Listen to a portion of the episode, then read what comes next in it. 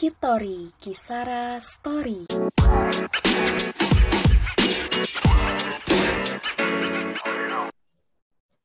Halo sahabat Kisara, di mana pun kamu berada hari ini, semoga selalu dalam keadaan sehat ya tentunya. Dan balik lagi bareng Cynthia di Kitori Kisara Story. Nah, tentunya masih dalam suasana peringatan World AIDS Day 2021 dari Kisara PKBI Bali, tentunya dengan topik yang masih sama ya, sahabat Kisara, yaitu berdaya bersama untuk kesetaraan. Nah, tentunya hari ini kita akan ngobrol-ngobrol kembali terkait dengan isu-isu HIV AIDS tentunya. Nah, kalau di episode sebelumnya kita udah bahas banyak terkait dengan serba-serbi HIV AIDS, kita udah mengenal apa itu HIV AIDS, gimana pencegahannya, penanganannya, dan lain sebagainya. Nah, hari ini topik obrolan kita bergeser sedikit nih. Jadi, hari ini kita akan bahas mengenai pelayanan kesehatan pada orang dengan HIV AIDS atau orang dengan HIV di masa pandemi. Tentunya nantinya kita akan bahas banyak ya, gimana sih pencegahannya, gimana penanganannya. Tentunya dalam hal ini uh, peran dari fasilitas pelayanan kesehatan khususnya puskesmas sangat penting ya, apalagi tenaga kesehatannya yang kontak langsung tentunya dengan klien atau pasiennya. Nah maka dari itu hari ini sudah hadir narasumber yang luar biasa tentunya, ya tenaga kesehatan juga sudah hadir uh, kakak seorang perawat dari UPTD Puskesmas 4 Dinas Kesehatan Denpasar Selatan. Sudah hadir Kak Yuayan Setiani, AMDKEP atau akrab disapa Kak Seti. Halo Kak Seti. Hai sobat sahabat Kisara semua, apa kabar? Ya, tentunya sehat ya sahabat Kisara semua. Dan Kak Seti gimana nih kabarnya hari ini? Astagfirullah sampai hari ini saya sehat, ceria. Oke, nah tentunya uh, Cynthia dan juga Kak Seti nggak berdua aja nih. Nah kali ini juga sudah hadir uh, seorang remaja penggiat isu HIV AIDS juga tentunya yang aktif di KSPAN SMA Kristen Harapan Denpasar. Sudah hadir adik kita yang luar biasa, Nur Nyomankan Anjarini Melati atau akrab disapa Mela. Halo Mela. Halo Kak, halo Kak. Oke, kalau Mela sendiri gimana nih kabarnya hari ini? Uh, baik sih, sangat ceria juga. Sama. Baik, ceria luar biasa ya tentunya walaupun kebanyakan aktivitas kita di rumah ya karena pandemi. Oke, nah kalau Kak Seti sendiri nih aktivitasnya kan lebih banyak di puskesmas nih Kak kalau selama pandemi ini. Kalau sekarang gimana nih Kak? Kalau kita kuliah, kalau kuliah, kalau Mela sekolah itu kan bisa kan online. Nah kalau seorang perawat itu gimana tuh uh, dengan pasien apakah online juga aktivitasnya beberapa atau tetap datang nih Kak ke puskesmas? Oke, kali selama dua tahun ini ya Cynthia, Mela, teman-teman semua, jadi kita tuh kan lagi dihadapin sama pandemi ya. Jadi eh, mau nggak mau kita harus tetap kerja turun ke lapangan karena terutama kita kan kerja di eh, layanan kesehatan yang memang eh, sebagai ujung tombak kalau di puskesmas itu. Karena kita eh, puskesmas di layanan kesehatan yang memang bersentuhan langsung dengan masyarakat ya. Jadi di sini kita tidak hanya sekedar untuk lebih ke upaya uh, kuratif atau pengobatan, tapi kita juga lebih ke upaya preventif dan promotif. Jadi upaya, uh, uh, jadi uh, apa namanya mau nggak mau, memang kita harus uh, apa namanya ketemu dengan pasien setiap harinya. Cuma memang ada sempat di pertengahan pandemi ini, memang kita dianjurkan untuk lebih banyak melakukan kegiatan yang uh, lebih ke online ya bersifatnya. Jadi ada tele telemedicine namanya gitu. Jadi, uh, uh, jadi uh, apa pasien mungkin uh, banyak yang takut sih sempat sih beberapa di awal-awal pandemi itu pasien berkurang yang datang ke puskesmas. Jadi kebanyakan karena takut dengan situasinya. Jadi memang kita dianjurkan untuk melakukan uh, telemedicine. Kemudian uh, untuk kegiatan-kegiatan oh, seperti penyuluhan juga kita lakukan secara daring. Hmm. Jadi biar bisa tetap daring ya. Oke, okay. hmm. jadi hmm. Ya, jadi disesuaikan kembali ya Kak Setia yang mana sekiranya bisa dilakukan online dan mana sekiranya bisa dilakukan offline. Tentunya ya. strategi-strategi sudah banyak ya dilakukan oleh Puskesmas 4 Denpasar Selatan. Nah mungkin tadi udah disampaikan uh, sedikit ya sama Kak Seti udah ada uh, bisik-bisik uh, sedikit tentang nanti obrolan kita ada telemedicine, preventif, kuratif, promotif dan lain sebagainya. Nah nanti kita bahas lebih banyak ya uh, sahabat Kisara. Namun sebelum itu, uh, sebelum kita bahas lebih banyak nih terkait dengan HIV/AIDS, kita uh, kenalan dulu nih agar kita dapat mengenal lebih dekat dengan kedua narasumber yang luar biasa ini.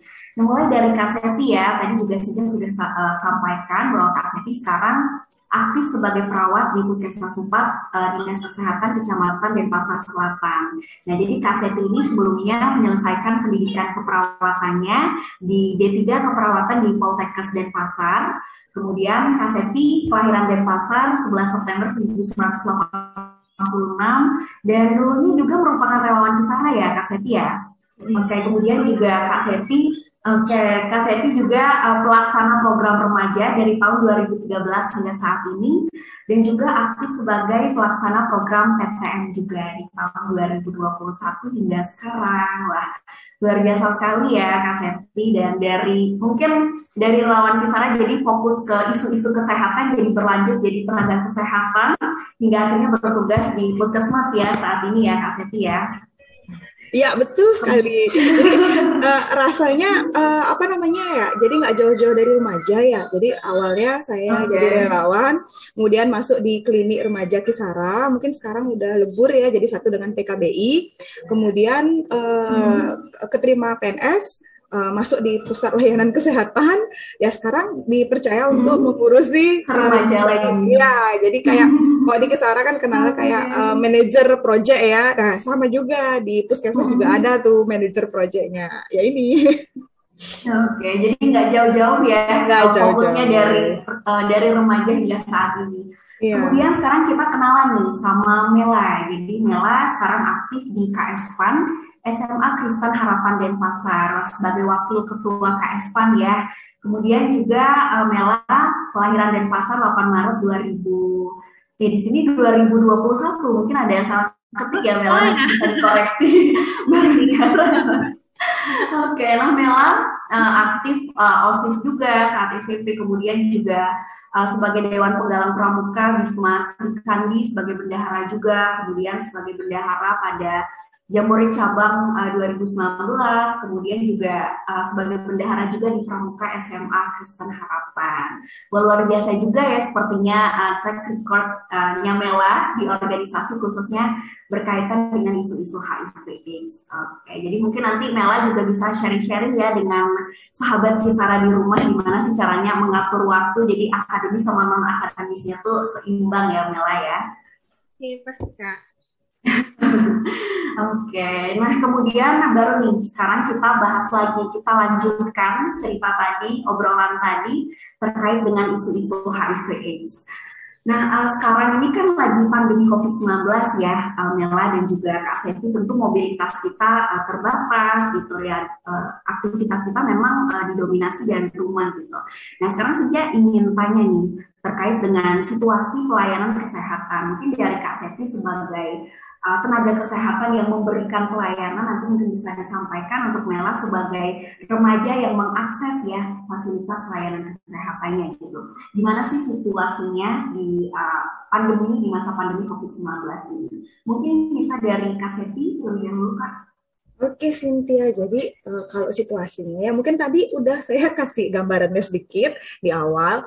Jadi situasinya sekarang untuk saat ini sih sudah mulai uh, kembali seperti normal. Jadi mungkin sudah mulai beradaptasi ya dengan uh, apa namanya apa yang situasi yang terjadi saat ini.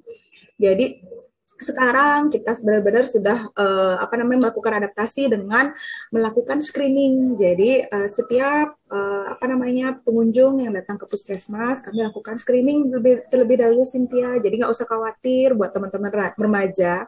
Jadi uh, waktu ke puskesmas kita akan pisahkan. Jadi kalau seandainya ada keluhan uh, mungkin mengarah ke influenza jadi itu akan berbeda uh, tempat pelayanannya jadi bukan diskriminasi ya cuma dibedakan tempatnya saja. Gunanya untuk mencegah penularan yang terjadi di tempat layanan seperti itu Hmm, Oke, jadi ada screening terlebih dahulu ya. Jadi untuk sahabat Kisara yang ingin mengakses layanan kesehatan tentunya nggak hanya terkait dengan pelayanan uh, terhadap uh, ODIF atau ODA ya Kak Seti ya. Semua hal-hal terkait dengan praktik kesehatan tentunya sudah di screening terlebih dahulu untuk memastikan untuk mencegah penularannya ya. Kemudian kalau dari uh, Mela sendiri gimana nih? Kalau menurut Mela yang sering mungkin uh, mengakses layanan kesehatan selama pandemi ini Mela? Uh, kalau yang Mela lihat juga, kalau ketika uh, waktu terakhir di rumah sakit itu kan waktu Mela vaksin ya, kalau nggak salah. Iya. Dan di sana terakhir kali itu ketat banget gimana kalau kita baru masuk dicek suhu, pemakaian hand sanitizer, dan jarak kita ke orang lain juga jauh-jauh gitu. Tapi emang berpengaruh banget sih sama penularan penyebaran COVID. Jadi nggak mau nggak mau kita harus laksanain kegiatan-kegiatan tersebut. Gitu sih. Hmm, bener banget ya. Jadi harus tetap dengan protokol kesehatan ya, Mela ya, untuk Iya, untuk kebaikan kita bersama tentunya. Nah, Kak Seti tadi Kak Seti sempat uh, sebut terkait dengan uh, telemedicine gitu. Mungkin bisa disampaikan kepada sahabat Kisara yang mungkin masih asing ya terdengar di di telinganya gitu. Apalagi yang maksudnya bukan dari uh, backgroundnya bukan dari kesehatan gitu. Mungkin gimana sih itu telemedicine gitu? Mungkin bisa disampaikan uh, Kak. Jadi kalau sekilas ya, apa namanya, mungkin adik-adik atau teman-teman sahabat Kisara semua, mungkin pernah mendengar kayak satu layanan, jadi dia itu uh, yang mungkin ada aplikasinya di App Store, jadi mungkin pernah dengar kayak Halo Dok, seperti itu.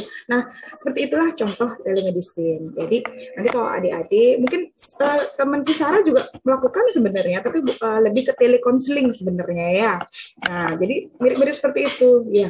Jadi kalau untuk uh, pasien ini pun di puskesmas kami sama juga uh, lebih mengarahkan. Biasanya kalau yang telemedicine, uh, jadi pasien yang mungkin sudah rutin berobat, dia bisa cek uh, ini. Kalau mungkin kalau setiap puskesmas sih beda-beda ya. Uh, saya jelaskan tempat saya bekerja saja.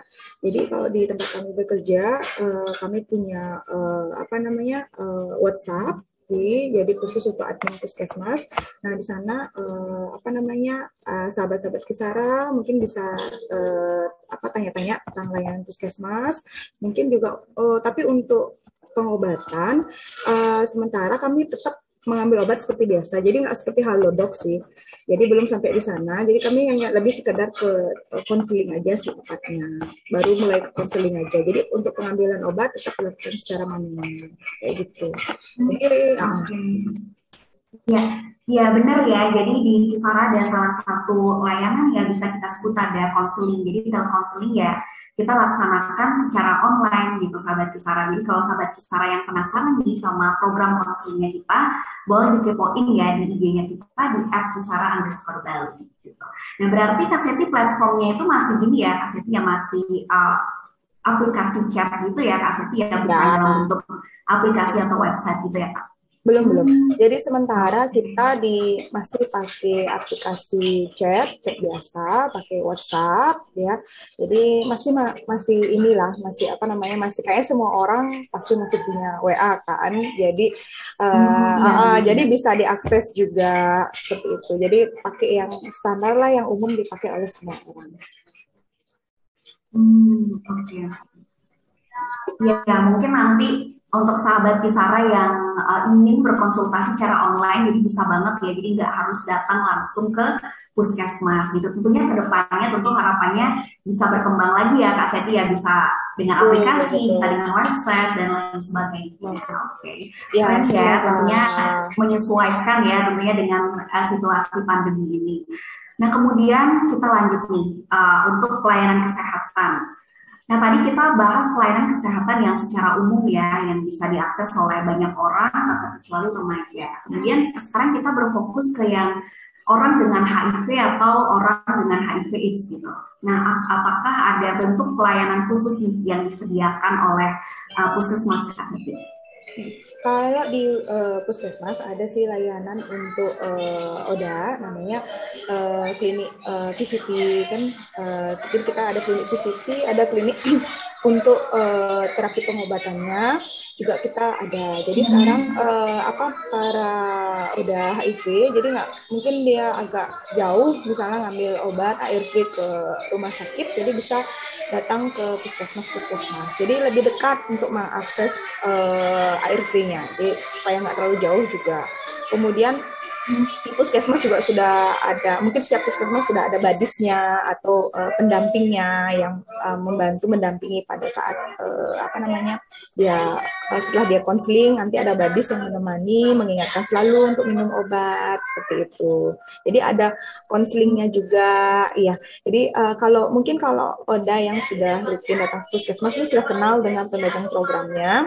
Jadi uh, apa namanya uh, pasien Oda ini mungkin dia lebih ke konseling uh, secara online, bisa chat ke pemegang programnya. Kemudian dia juga datang enggak uh, enggak perlu ngantri sih, jadi tinggal janjian dengan pemegang programnya. Jadi dia tinggal datang langsung uh, didaftarin, jadi tinggal langsung ke uh, layanan VCT. Jadi tidak perlu mengantri. Seperti itu Cynthia. Jadi memang lebih dimudahkan aksesnya, terutama pada saat pandemi ini. Jadi mereka bisa datang dengan uh, perjanjian dulu seperti itu.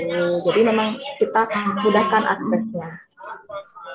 Oke, okay, jadi uh, memang selalu berupaya untuk memberikan pelayanan yang maksimal ya Kak Siti ya. Jadi itu ya sahabat Kisara, jadi ada uh, program konseling, kemudian juga ada tes PCT tentunya untuk uh, ODIF ataupun ODA.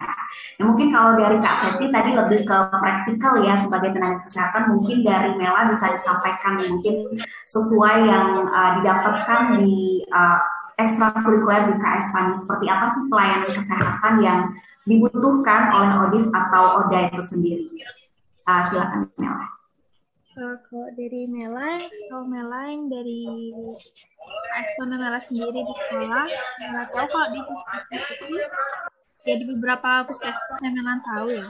Lainnya itu pemeriksaan dari kita hasil dulu, terus uh, uh, apa gejalanya dan atau ada alasan medisnya dan konsultasi tentang penyakitnya.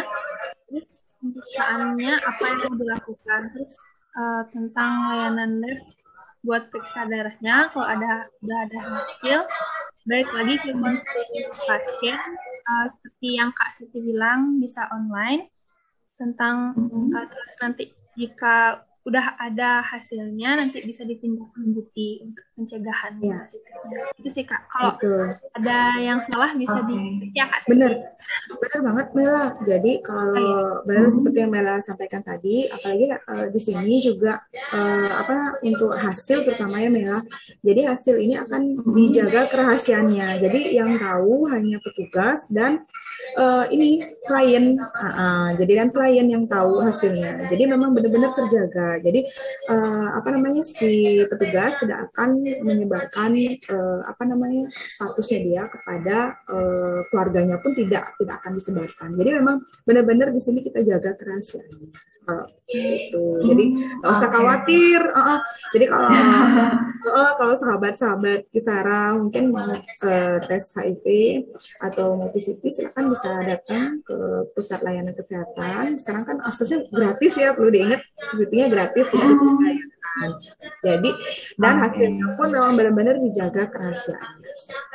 Hmm, Oke, okay. nah jadi kalau untuk sahabat kisaran nih, mungkin sebelumnya di episode sebelumnya udah dibahas ya uh, pada saat di mana sih kita harus uh, konsultasi gitu ke fasilitas layanan kesehatan.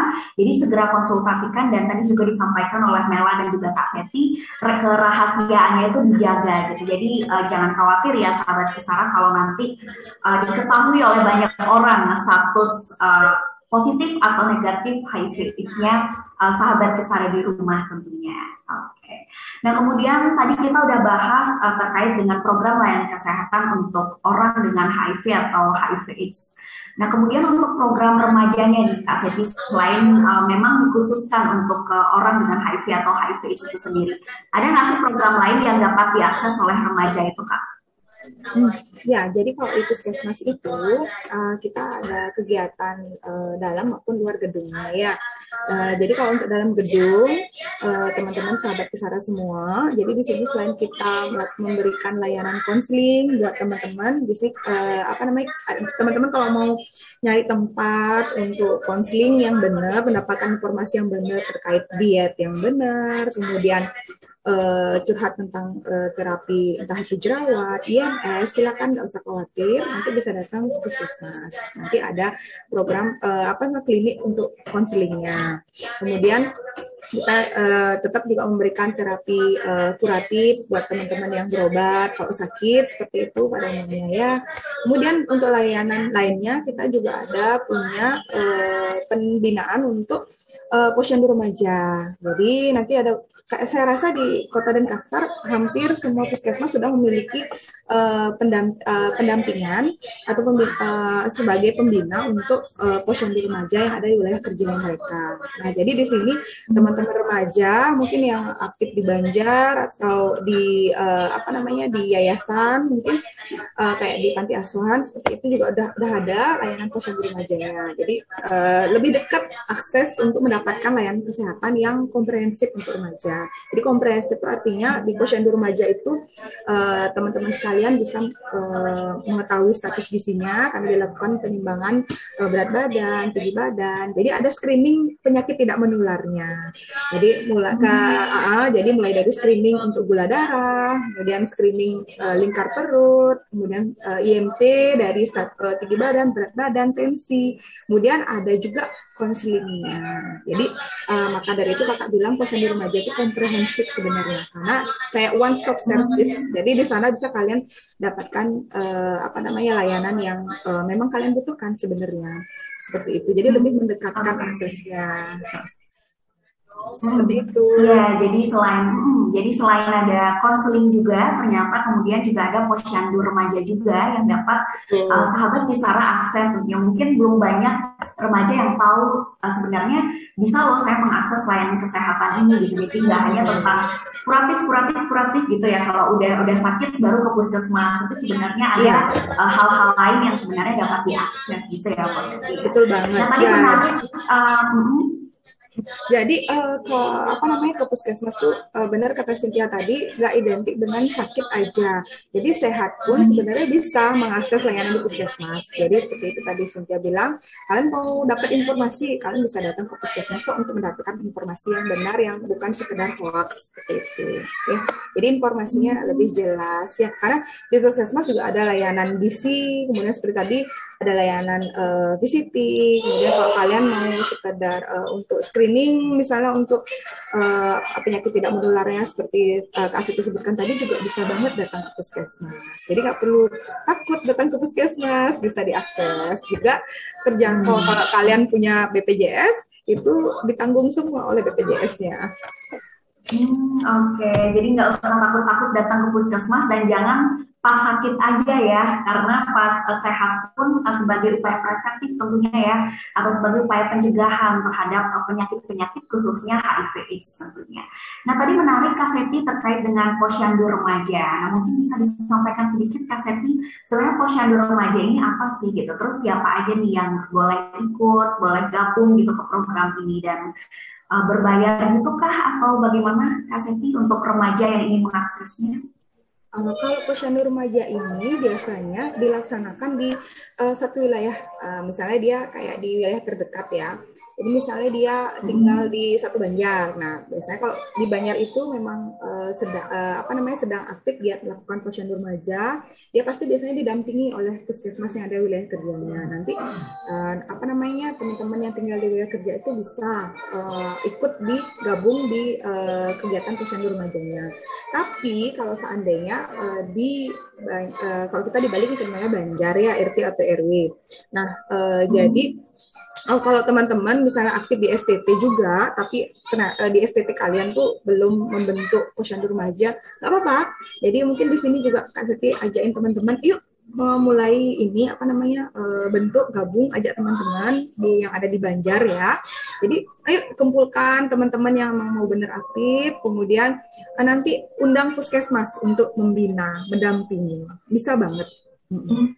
Oke, jadi ada akses ya untuk hal itu kepada remaja-remaja di setiap Banjar khususnya. Nah kemudian kita kembali ke Mela nih, kalau Kak Seti tadi udah uh, nyampein program-program remaja yang sekiranya bisa diakses ada konseling, ada posyandu remaja. Nah, kalau di, uh, dari Mela sendiri nih, yang mana nih udah pernah diakses atau mungkin uh, belum? Kalau misalkan belum, uh, kendalanya seperti apa? Apakah karena kurangnya informasi atau seperti apa? Mungkin bisa jadi bahan evaluasi juga ya, Kak Seti, ya, untuk pengembangan programnya ke depannya. Gimana, Mela? Untuk yang tentang posyandu remaja itu belum pernah sih hmm. ikutin selama ini mungkin yang Kak Septi kasih tahu itu juga baru tahu di Mela gitu. Oh, Oke. Okay. Mela oh, ternyata ada posyandu remaja gitu ya. ya. Oke, okay, gimana? Mela? Hmm. Ya. Uh, jadi mungkin itu posyandu remaja itu kayak sebuah kayak perkumpulan gitu ya Kak? Uh, perkumpulan kesehatan gitu. Uh, enggak juga sih. Jadi posyandu remaja tuh mirip kayak apa namanya uh, posyandu balita yang ada di ibu-ibu PKK mungkin kebayang kan? Jadi uh, uh, setiap ya, bulan jadi balitanya datang ditimbang. Nah seperti itu. Jadi tapi okay. sekarang uh, yang melakukan pemeriksaannya itu adalah si remaja yang ada di STT itu. Kemudian dia dilatih dibina oleh puskesmas. Nanti uh, Nadia sendiri yang akan melakukan kegiatan di posyandu remaja. Jadi dia sama seperti yang dilakukan oleh ibu-ibu di PKK jadi menimbang bayi kemudian memberikan uh, apa namanya edukasi ke teman-temannya seperti itu. Jadi di di posyandu remaja juga sama Cynthia seperti itu juga. Hmm, nah, ya, ya, jadi ya, ya jadi dari remaja oleh remaja untuk remaja seperti itu. Iya benar benar. dari remaja oleh remaja untuk remaja. Mungkin yang membedakan target audiensnya aja ya. Mungkin kalau balita ya balita gitu, kalau remaja ya remaja fokusnya gitu ya. Oh, Dan fokusnya tentu ke pelayanan kesehatan.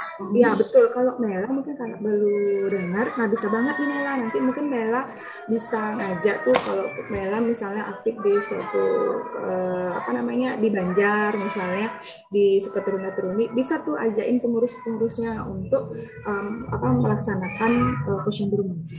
Kayak gitu ya Mela. Ya, baik Kak. Kasih. Ya, mungkin nanti bisa dibagikan ya ke teman-temannya sesuai topik kita hari ini kan beda, uh, berdaya bersama untuk kesetaraan gitu. Jadi menjadi berdaya biar nggak hanya di Mela aja nih gitu. Nanti bisa dibagiin ke teman-teman eh, SMA-nya, bisa dibagiin ke teman-teman STT di Banjarnya tentunya. Oke, okay. sepertinya uh, obrolan terkait dengan posyandu remaja ini menarik ya untuk kita gali lagi, untuk kita bahas lagi gitu. Mungkin nanti kita adakan sesi tersendiri ya untuk membahas posyandu remaja ini lebih dalam.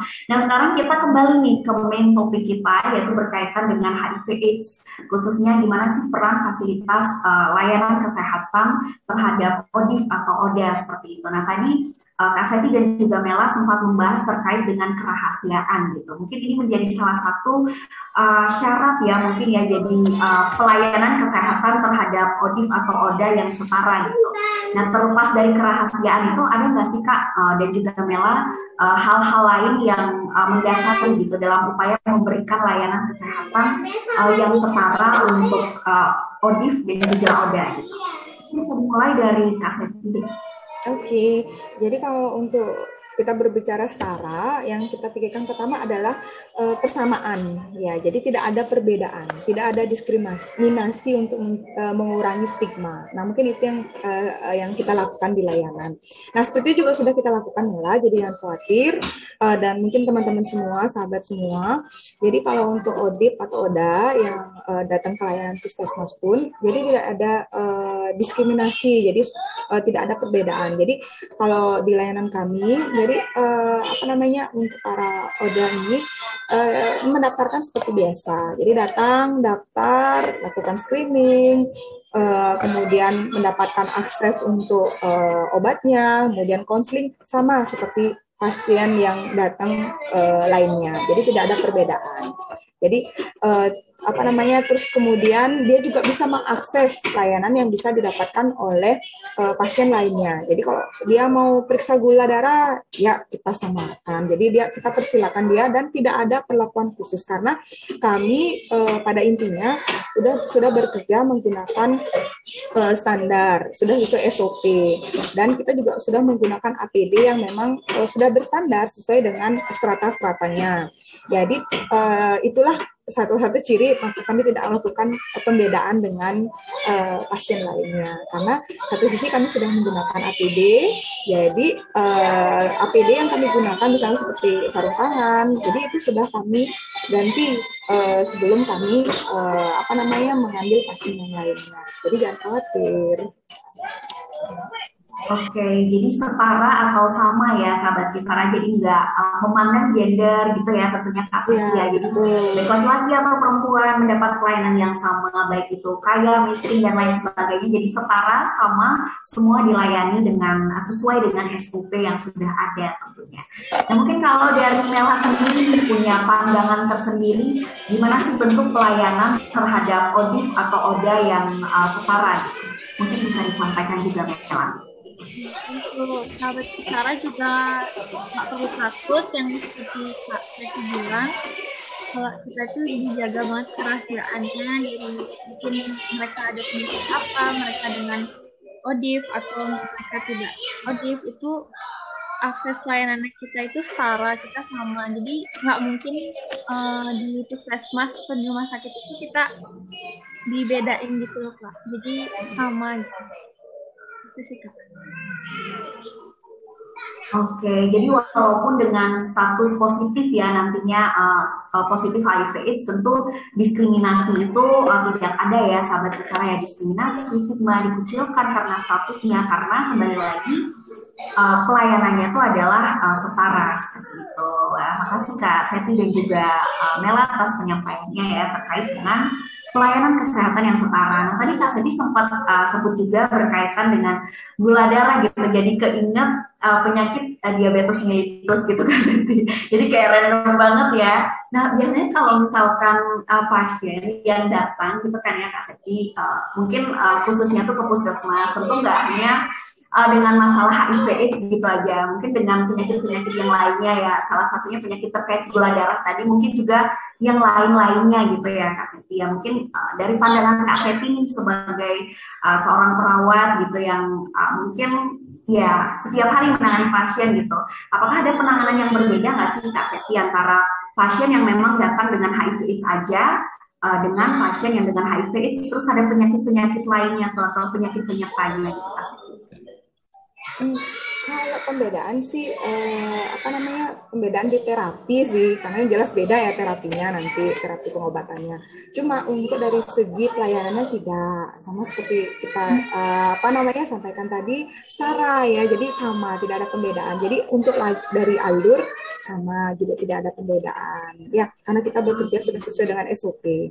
Jadi eh, pembedanya hanya dari terapi yang diberikan saja. Jadi kalau seandainya dia eh, ada atau DIP ditambah dengan adanya uh, komplikasi tambahan, mungkin nanti dia akan hanya berbeda dari segi uh, terapinya saja, Cynthia. Jadi tidak ada uh, perbedaan dari segi uh, alur, tidak ada. Jadi uh, ya seperti itu saja pembedanya. Hmm, Oke, jadi masih sama ya sahabat kisah sesuai SOP dan tentu tanpa diskriminasi juga mungkin nanti yang membedakan uh, bentuk terapinya. Oke deh, kemudian nah tadi kita udah bahas banyak nih terkait dengan penanganan, jadi lebih ke kuratif ya seperti apa yang disampaikan oleh Kak Seti tadi.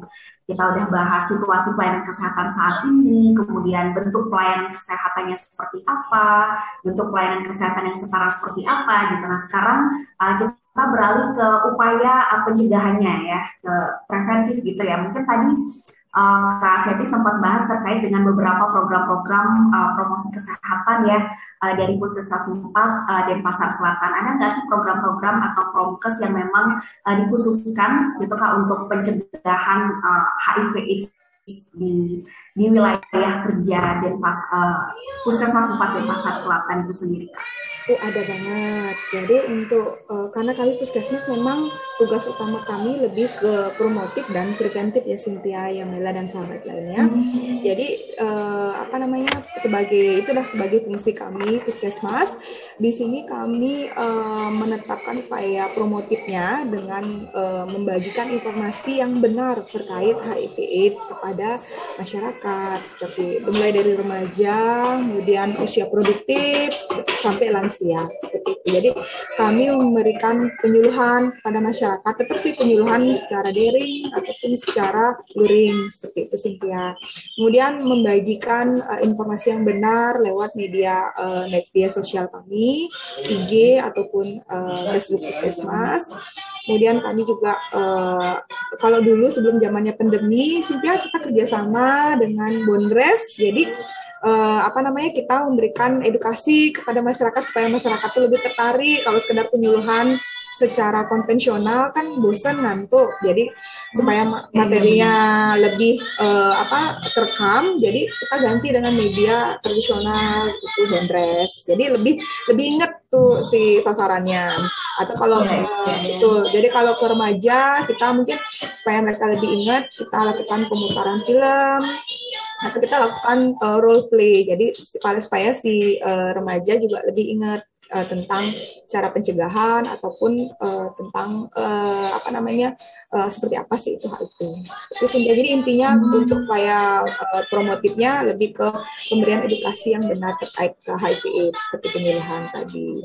Itu Cynthia. Hmm, Oke, okay. jadi bentuk promosnya edukasi ya sahabat Kisara ya. Tentu strategi penyampaiannya sudah disesuaikan kalau remaja ya seperti yang Kak Seti katakan tadi ya lebih uh, senang ke visual-visual, jadi lebih ke tontonan, video dan juga lewat bondres tadi menarik sekali ya. Mungkin nanti bisa dicontoh juga sebagai upaya edukasi kita ya Kisara ya Kak Seti ya.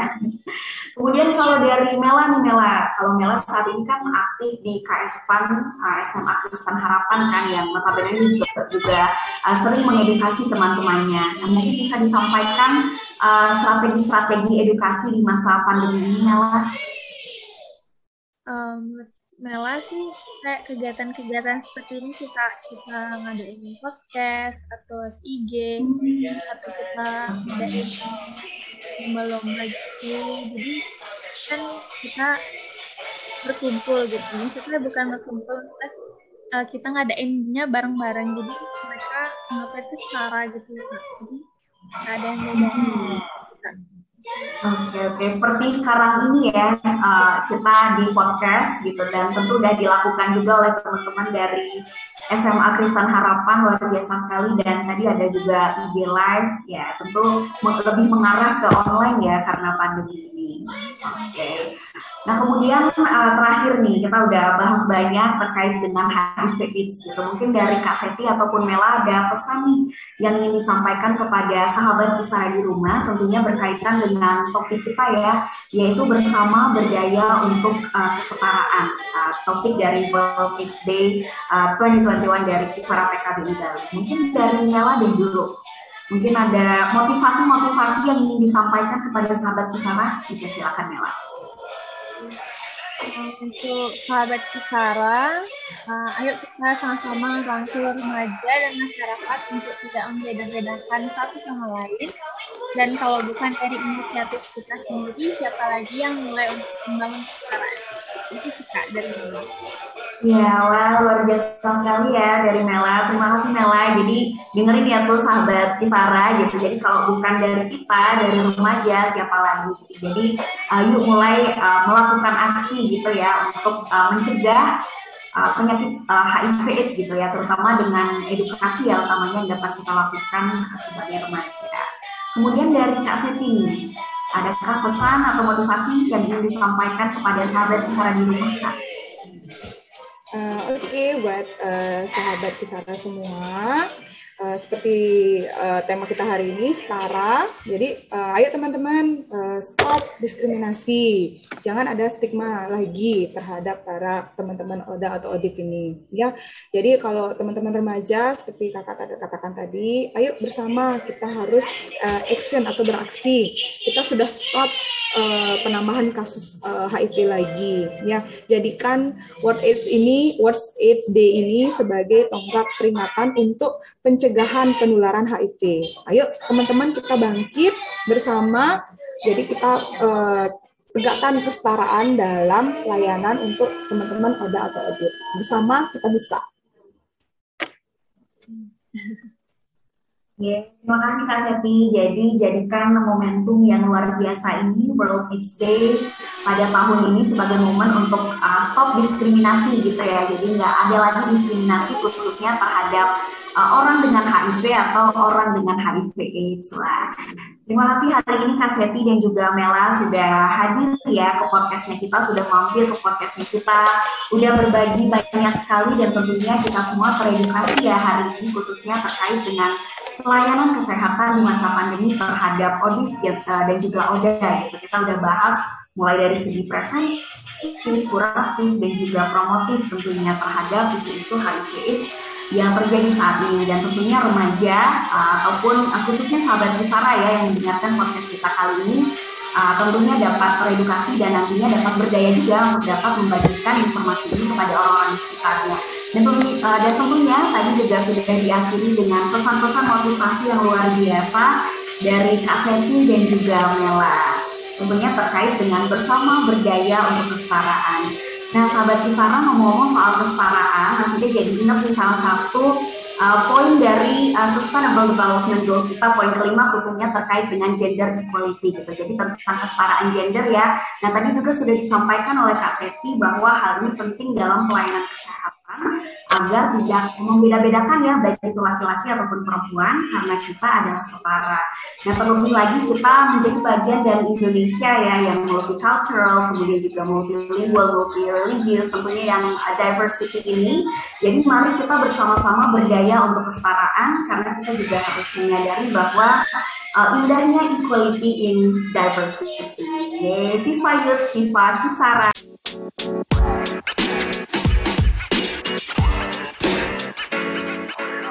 you know, man.